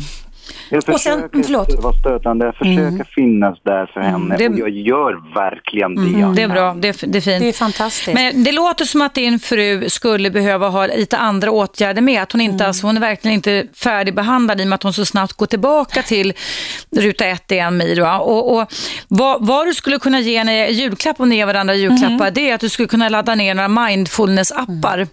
Och a, djup avspänning, trans, alltså jobba med självhypnos eller mindfulness. För det är ett sätt att börja hitta balansen igen, att kunna hämta upp det, den här känslan man har. Men det är inte bara det som hjälper till, men det kan vara en början. Men jag tror att ni ska söka eh, eh, fortsatt hjälp för att det, det här i och med att det inte blir så mätbart, tänk att hon inte blir så mycket bättre, så tycker jag det är lite fara och färd. Eller vad säger du, Lili? Mm, definitivt. Men, men att man... Mm. Jag försöker, jag, jag skulle vilja, jag, jag, känner på mig så här att hon skulle ju behöva göra någonting. Hon, hon gör ju ingenting som motiverar henne. Nej. Mm. Hon, hon har tappat... Göra, hon, på något sätt känner jag att hon har gett upp och bara mm. träna, gå ut, promenera, gör mm. någonting annat. Men vet du vad, hon kan ju ha en utmattningsdepression också. Äter hon någon psykofarmaka din fru? Är det någon doktor som har kollat på henne? Nej, det gör hon inte. För att det är, jättemo det är jättemånga klienter jag har mött genom åren som dras med utmattningsdepression och dep depressiva tillstånd och man sätter inte rätt diagnos. Det är jätteviktigt att man gör det. Så att där tycker jag att hon borde gå till en doktor och illa kvitt kolla och även om hon skulle vara måttligt deprimerad så kan absolut olika typer av serotoninhöjande preparat göra att hon får tillbaka krafterna ganska omgående. Ja, och när hon får tillbaka... Mm. Hon åt ju antidepressiva för no någon, några månader sedan. Men äter hon inte längre då? Nej, för hon, hon, hon, det blev ju lite bättre men ja. hon hade inte intresse för någonting. Hon brydde sig inte Fast vet, hon ska äta minst 6 till 9 månader, minst ett år när man känner sig så här, minst. Ja, och sen blev hon ju med barn. Nu är hon i tredje månaden också. Grattis i och för sig då, men man kan äta eh, vissa av de här preparaten ändå fast man är gravid. Ja, men det var ju så mycket att hon tappade ja, Jag är inte doktor så jag kan inte gå och säga, för jag vet inte vad de hette. Men det kan ju också vara omställningen då, att hon är gravid som kan leda till, för det, jag, när jag var gravid Mir så gick jag omkring ja. och så, då var jag lycklig, men jag gick omkring och slocknade liksom i början. Man kan ju reagera väldigt olika när man är gravid. Jo, men det, alltså jag bara känner ju, hon själv säger ju det, ja men jag vet inte vad jag ska göra längre för det här, det här mm. går inte över. Jo, fast graviditetssymptom. Hon, hon, hon, hon måste ju någonstans bestämma sig för att ta kommando över sitt liv och inte låta hennes liv ha kommando över henne. Och det valet är ju hennes. Eh, och, och även om du stöttar henne så måste hon vilja. Alltså har vi inte viljan, då har vi inte kraften. Och jag kan inte lägga fram det henne heller. Köp min bok till henne i julklapp. Eller be henne lyssna på det här programmet i ja, repris klockan 19 ikväll. Definitivt. Jag har ju sagt flera gånger, snälla försök att Så hon bara, men jag har inte tid och jag orkar inte, mm. nej inte. Mm. Och så, jag, jag försöker göra. Alltså, Säg att hon ska lägga sig ikväll, hon kommer hem och lyssna på reprisen på Radio 1 på det här mm. programmet. Så kan det vara en början, för hon hör hur du mår i mån om din fru och ringer in också.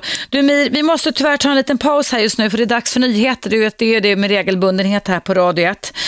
Ehm, Absolut, tack för ja. all information. Vad var det boken heter sa ni? Jag blir vad jag tänker. Ge den en julklapp till henne kanske? Absolut, det mm. låter jättebra. Tack för att du lyssnar Mir och håller tummen att det vänder. Annars får du ringa igen på nyåret. Ja, det får väl jag höra. Tack för er och gott nytt år och Tack detsamma. god jul. Tack, hej då. Hej.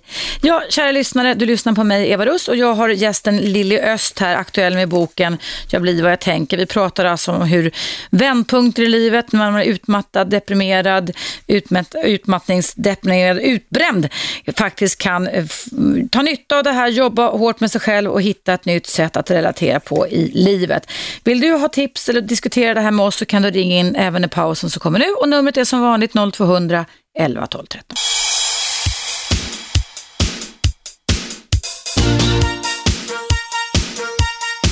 Radio 1. Eva Russ. Välkomna tillbaka. Idag pratar vi om livsstrategier och hur vändpunkter när man mår urdåligt psykiskt, fysiskt, deprimerad, utmattad faktiskt kan leda till en ny typ av liv. Min gäst idag är Lilly Öst och nu ska vi höra på Ulrika som ringde in och väntade. Hallå Ulrika! Ja men hallå där. Hej, du hade en fråga till Lilly eftersom hon är bokaktuell och har pratat ja. om lagen om attraktion bland annat. Jo, men jag tänker på det här, lagen med attraktion. Hej Lilly. Hej hej. Jo, jag tänker på man attraherar till sig det som är positivt. Min fråga är då om man lever ett miserabelt liv, om man är född på Afrikas horn exempelvis och inte har mat till sina barn och ja, man, man har ett hemskt liv eller om man till exempel drabbas av allvarlig sjukdom, mm. cancer eller liknande. Har man då attraherat in det i sitt liv? Alltså, jag tror ju inte att livet alltid är rättvist. Eh, och, och det, vi kan inte påverka de sakerna utanför oss, men vi kan alltid påverka hur vi väljer att hantera dem. Och självklart kan man dra till sig negativa saker, men jag tror inte att alltså ett litet barn, hur ska ett litet barn eh, som blir sjukt när de är liksom två dagar gammalt kunna ha hunnit dra till sig någon skit, kan man ju fråga naturligtvis.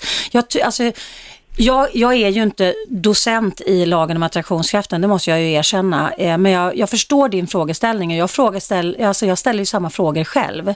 Mm. Eh, men jag, Ja, men för jag har funderat på det där, för jag läste den här boken Law of Attraction. Mm. Jag läste den på engelska dock. Jag tycker att det är lite amerikaniserat. Oh, ja. Den handlar så mycket om att attrahera, attrahera in rikedom, pengar i ditt mm. liv liksom. Eh, så lite, jag tycker det här, ursäkta att jag säger det, men jag mm. tycker det är lite flum. Jo, men jag alltså, förstår. Det är mm. new age. Ja. Det går en sån jätterepa och nu är det 2012 och hit och dit. Och, det, alltså jag måste säga att jag tycker, det finns många saker som är goda och bra i det där. Jag mm. har botat mycket av min utbrändhet och så med meditation och yoga. Det har jag mm. tagit till mig och det anses ju flum också av många. Ja inte idag va? Inte idag, inte, idag är det inte flum, eller hur? Nej, inte utav alla. Men det är nog mer kanske rädsla för man tycker att det är mm. lite humbug så. Men just det här lagen om attraktion, det är ju, konceptet är jättebra men jag tror att livet går upp och livet går ner. Det är liksom inte statiskt underbart. Lycka är inget tillstånd tror jag, utan det är liksom ett sätt att färdas mer. Lycka är ett val och det gör vi hela tiden. Ja, men alltså lycka, det är inte, jag tror inte att folk går runt, jag tror faktiskt att det, ja, det ska vara om man inte har någon enda ägodel i livet. Man inte behöver känna oro, man kan hela tiden känna lycka. Man har ju alltid saker som influerar en som, som eh, i olika, hur ska jag säga, som du talar om frekvenser, att det ligger på olika frekvenser. Somliga dagar är bättre, andra är sämre, men det är ju inte statiskt fantastiskt livet för någon. Nej, men det blir ju inte, alltså oavsett vad vi föds in i eller dras in i för situationer så, mm. så eh, har vi hela tiden ett aktivt val hur vi väljer att hantera det. Och jag menar absolut inte att eh, eh, enkelgöra eh, folk som har det svårt i livet. För att eh, en del människor har det fruktansvärt svårt i livet. Men, och, och det är många gånger att vi inte kan påverka den situationen vi befinner oss i. Men vi kan hela tiden påverka hur vi förhåller oss till situationen. Och det i sin tur kan faktiskt hjälpa oss att att eh, förändra situationen på sikt. Jo, men det håller jag med dig om. Mm. Men i, i grund och bas där så låter det nästan som man måste ha någon form av tro då till någonting högre som kan eh, påverka, som att man kan genom sina egna tankar attrahera in någon form av hjälp. Då måste det vara någonting som man skickar iväg tankarna till. Vad, vad, är det då? då? Ja, alltså energi, våra tankar är ju energi och energi är oförstörbar. Eh, så att, att eh, eh det, energi transformeras hela tiden. Vilket ja, men gör, alltså... den energi du talar om, vår tankeenergi, för att vi ska få attrahera in bra saker i vårt liv då, då måste ju våra tanke, våran tankeenergi måste ju ut emot någonting där det får en, en, ett gensvar så att det kommer tillbaka till oss. Vad är det du får ett gensvar ifrån då? Ja, universum runt omkring oss. Alltså energi, energin stannar ju inte i ditt huvud utan det, alltså, energin är ju runt omkring oss eh, hela tiden så att säga. Det är det människor kallar Gud med andra ord? Ja, man får kalla det vad man vill. alltså, det, är, det är någon mm. som förser oss med det vi själva tänker, om jag förstår det rätt. Ja men det kanske, alltså Gud... Eller något eller vad? Ja, alltså om man tittar på hur universum fungerar. Universum är ju fylld av energi som går fram och tillbaks, fram och tillbaks mellan oss, mellan saker. Alltså allting är ju mm, vibrerande mm. energi i hela universum. Men sen ska vi också ha klart för oss, tänkte jag säga, jag får lägga mig i lite, nämligen det att, att det finns jättemycket Ulrika evidens för att tankar har läkande kraft. Mm. Alltså att det finns, att vi kan påverka. Det finns inom den fysiska, alltså somatiska vården, det finns inom den psykiska vården ganska stark evidens för att vi blir vad vi tänker, precis som Lille Östbok mm. heter faktiskt. Jo, men det, mm. det, håller jag med om. Jag tycker bara det är intressant att tänka ett varv till när det gäller det här. Mm, ja, det är spännande. Ja. Eller om man är allvarligt sjuk eller om man lever mm. under förfärliga omständigheter. Om det då är alldeles ens eget personliga ansvar. Då kommer det in i sådana tankar som jag, jag tänker också med det med, med olika liv, karma, dharma, sådana där saker. Mm, mm som ja. har att göra med den här new age-rörelsen. Jag tänker det att, um, men jag, jag, absolut finns det en poäng i det. Hur man, hur man, man, det beror inte på hur man har utan hur man tar det. Jag håller mm. med om det. Mm. Men det var bara en intressant... Ja, det är intressant, absolut. Det är en intressant eh, frågeställning. Och alla åsikter och idéer kring det här ämnet, eller alla ämnen vi har på Radio 1 är väl alltid jätteintressant att vi får lyfta. Det är därför vi är så omtyckta på Radio 1, för att vi har rätt att få, ha åsikter och ha avvikande ja. åsikter också, mm. eller hur? Ja, det är jättehärligt att lyssna på. Vad kul. Du Ulrika, vi måste alldeles strax ta en liten paus. Ja, tack så mycket. Tack för att du ringde in. Tack ska du ha. Eh, och innan pausen så ska jag bara läsa upp ett mejl som faktiskt Lilly tangerade, precis det du har pratat kring idag med vändpunkter och så. Det är från Margareta. Hon har skrivit så här. Hej, jag tänker faktiskt köpa din bok, men innan dess vill jag fråga hur, hur vill jag fråga, hur, en gör, hur jag än gör och tänker på positivt sätt blir jag drabbad av nästan allt. Cancer, parentes den fina versionen, underlivet, nu är det okej. Okay. Men man hela tiden tänker när och hur den ska återkomma. Brutna fotleder, båda, men än så länge går det att förflytta sig med rullstol och kryckor. Förlorade barn, parentes 3, men de har det bättre nu i himlen. Spelar trevligt, rolig och snäll fast det kokar i mig. Men jag på något sätt måste behålla den trevliga masken och svart humor, parentes, jag kan skratta och skämta om allt, oftast på min bekostnad, men jag bjuder på detta. Så min fråga är, vad gör jag för fel att det går snett hela tiden, även om jag vill väl och försöker bli positiv? Puss och kram Margareta. Fundera på detta under pausen, både ni som lyssnar och du som är min gäst Lille Öst, så ska vi ge dig lite ja, funderingar i alla fall, Margareta, under pausen på Radio 1 som kommer alldeles exakt här.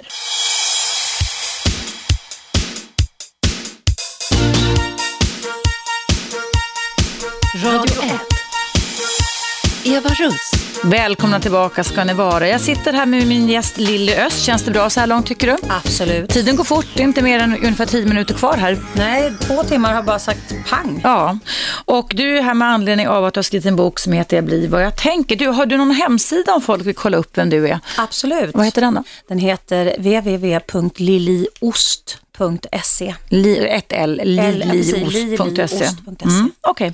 Du, vi fick ett ganska sorgsamt mejl här av mm. Margareta innan pausen som har drabbats av personliga förluster av flera barn, cancer och sådana saker. Hon ville då höra lite utifrån din bok och den, i och med att du är min gäst här idag, eh, hur ska hon frågade vad gör jag för fel, att det går snett hela tiden, även om jag vill väl och försöker bli positiv. Mm. Alltså, som jag sa förut, vi kan ju inte påverka saker som händer runt omkring oss, men vi, vi kan definitivt påverka hur vi låter dem påverka oss, så att säga. Mm. Eh, och drabbas av förluster och förlora sina barn, det vågar man ju inte ens sätta sig in i de tankarna. Det går ju inte att sätta sig mm. in i de tankarna om man inte har varit med om en, den typen av förlust. Mm. Och det är klart, självklart att det måste påverka ens liv vansinnigt mycket. Men hon pratade eh, om, eh, hon försöker tänka positivt, mm. men det hon känner inom sig är att hon kokar. Mm.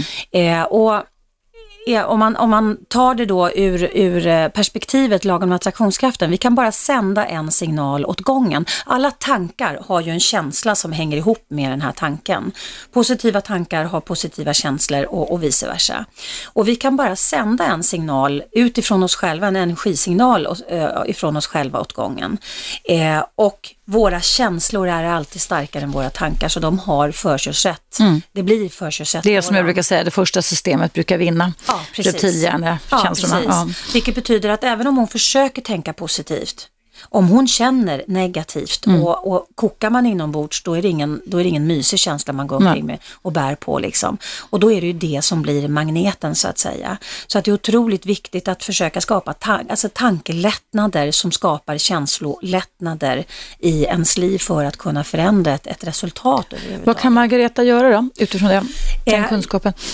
Jag brukar... Eh, Om du läste din bok, tänker jag, vilka kapitel eller vilka råd? Du har ju väldigt mycket råd i din bok. Ja, eh, det skulle kunna vara... Ja, defini de, definitivt eh, inledande eh, som, som handlar om hur lagen om attraktionskraften fungerar i mm. våra liv och hur vi kan använda oss av den mm. och hur vi ofta använder den eh, mot, eh, alltså, mot oss själva utan att veta om det. Mm. Eh, men sen så tänker jag, jag brukar pra prata om tankelättnader just för att tankar har ett känslominne som hänger ihop med det. Mm. Så kan man eh, ta en, en, en fin, vacker bok eller eh, iPaden eller datorn eller vad mm. det kan vara för någonting och lista positiva saker som har hänt en i ens liv, mm. där man har ett positivt känslominne knutet till det. Och sen så när man känner när man har sina absolut värsta dagar där det är jäkligt svårt att försöka liksom tänka positivt och vara liksom alert och tjofaderittan. Mm, mm. För det är ju inte speciellt enkelt att vara tjofaderittan när man mår asdåligt. Eh, att man faktiskt då reaktiverar de här tankarna mm. eh, på det här som redan har hänt som är positivt och då också reaktiverar känslorna som hör till de här tankarna. Mm. Man förändrar inte situationen men man förändrar sitt känslotillstånd vilket gör att om man då eh, gör det här frekvent så får man i alla fall en, en respit ifrån de jobbiga känslorna, vilket gör att när du får en respit från de mm. jobbiga känslorna, då kan du också tänka klarare. Mm, mm, mm. Så att mitt tips är definitivt att eh, försöka skapa så mycket tankelättnad i ditt liv så ofta du bara kan. Och sen vara tacksam, även om man, bara, alltså, även om man har gått igenom fruktansvärda saker så finns det alltid någonting i ens liv att vara tacksam för. Mm. Det kan vara att, att solen lyser in på ett vackert sätt genom fönstret eller att man hamnar först i ICA-kön eller att man hittar en parkering. Det är lite mindfulness, att stanna upp i vardagen, ja, att bara vara. Ja, mm. för att om jag, tänk, jag tänker så då att om du fokuserar då på de sakerna som du har som faktiskt är bra, mm. som ligger utanför naturligt. Livet är ju inte ett, en sak. Mm. Om, om de här sakerna är dåliga i ditt liv, eh, betyder inte det att det är ditt liv utan det är vissa delar av ditt liv. Mm. Eh, och att då faktiskt bestämma sig för att fokusera på de här sakerna som funkar, som är positiva. Mm. Eh, och även om man lever ett fruktansvärt svårt liv så finns det små ljusglimtar mm. och det gäller att plocka dem, att medvetandegöra dem för att att medvetandegöra att de är så viktiga att medvetandegöra. För ju, mm. mer, du, ju mer du ser dem, desto mer ställer du in magneten på att dra till sig någonting som liknar det, mm. vilket gör att du kan på sikt faktiskt eh, förändra. Du kan inte gå i ett steg från att må jättedåligt till att må jättebra, mm. eftersom de liknar inte varandra överhuvudtaget. Nej, just det, det är för långt tar, bort. Mm. Ja, precis. Men om man tar två små steg hela tiden och fokuserar mm. på dem som saker som funkar, som är härliga, som är positiva, så växer ju den. Mm. Eh, okay. ja. mm. Då hoppas vi att du Margareta, du mejlade mig häromdagen också, tar till dig lite av det Lili säger. Ska vi ta ett, samtal, ett sista samtal mm, Lili? Absolut. Det ringer här, ska vi se. Vem finns på tråden? Hej Eva! Mats Eriksson här. Tjenare Mats Eriksson, hej! Lite kort då bara. Eh, Vad vill du säga kring... Jag har en liten provocerande fråga, för ni, det är mycket hänvisande till böcker och annat. Men En bok, en bok. Eller ja, det, det, det, det, för Lili här som författare, men till, hon, hon har hänvisat till andra böcker också. Mm. Absolut. Eh, Men om jag är dyslektiker, hur får jag tillgång till det här då? Ja, det är ju en jäkla bra fråga. Vet du vad, jag ska faktiskt släppa en ljudbok just för att, att, eh, just för att man ska kunna lyssna in det. För jag förstår problematiken. Jag har haft flera eh, samtal med folk som har ADHD och är dyslektiska och självklart vill jag hjälpa alla människor. Så jag ska, jag ska läsa in den. Det låter bra. Ja. Det var bara det jag ville. Lite Kanon! Ja. Nej, det var inte provocerande alls. Det var en jättebra fråga. Ja. Tack snälla Mats, hej då. Hej, hej, hej. Mats ringer in här eh, och har många kloka råd. Du jag har fått ett mejl från Helene, det står så här. Eh, en tanke som slår mig när jag hör inringaren, det finns klassiska exempel som är ganska bra. Om du har ett glas som är halvfullt så kan man välja att man väljer att man väljer att se om det är halvtomt eller halvfullt. Halvtomt har in har in mer negativ innebörd än halvfullt.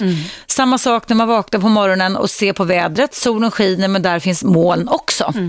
Då kan man också välja på om man kan fokusera på att det är sol eller om att molnen eventuellt kommer att ge regn under dagen. Så visst kan man styra hur mycket man tänker i olika situationer. Tack för mycket bra program och god jul och gott nytt år. Bra, bra faktiskt. Jag är ju så här riktig devisnörd. Jag älskar deviser. Och just den där har jag faktiskt med i, mitt, eh, i min föreläsning. Och den här, om du tror att du kan och tror att du inte kan så har du faktiskt rätt i bägge fallen. Exakt. För det handlar hela tiden, vi, vi har ett val hela tiden hur vi väljer att se situationen. Så att jag tyckte det var jättebra Helena att du väljer att se solen även om det kommer lite moln. Men att du fokuserar på solen, att det är det som du vill att det ska växa i ditt liv. För det, alltså ju mer vi fokuserar på de sakerna som, vi, som, som faktiskt är bra, ju mer bra saker kommer till oss. Det är egentligen så, så, så, inte så enkelt ska jag inte säga, för det är att förringa många människors eh, svårigheter i livet. Men vi kan definitivt påverka hur våra liv ser ut och framförallt hur vi känner oss i våra liv.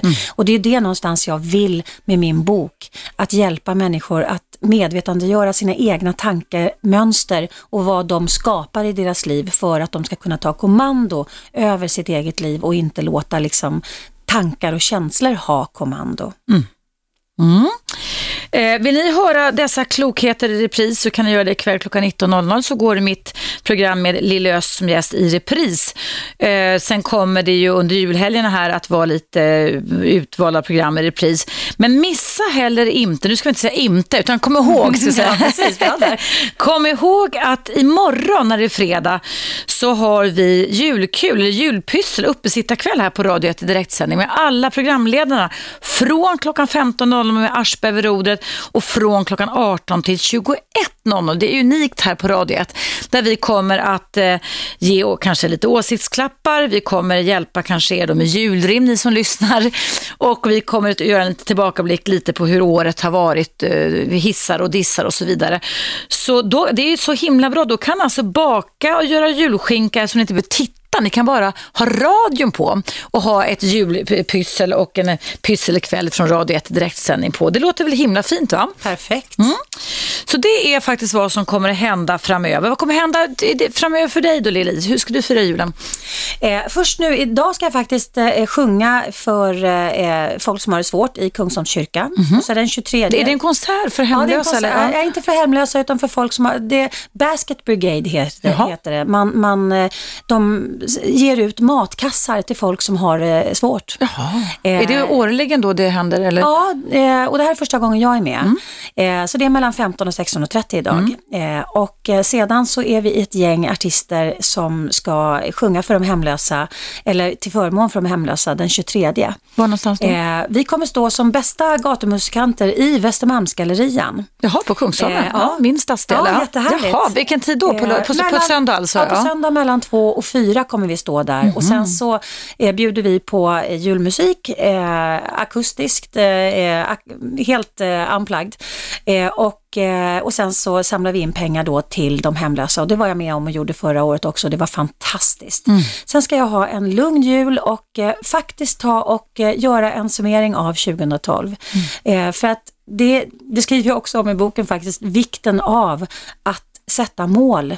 För att eh, om du inte vet vad du vill, då är det väldigt, väldigt svårt att komma eh, dit du faktiskt känner att du skulle vilja vara.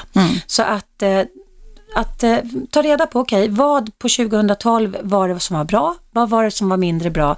Vad vill jag ta med mig och öka upp till 2013? Mm. Det ska jag göra under julhelgen och sen så kör jag igång så det ryker eh, med eh, signeringsturnéer och fortsätter och mm. föreläser. Härligt. Du, jag får tacka dig så jättemycket för att du vill vara min gäst här idag i hela två timmar. Det har varit väldigt kul att ha dig här. Lycka till med boken också och god jul får säga till dig Lilla Öst. Detsamma. 101,9 Radio 1 Sveriges nya pratradio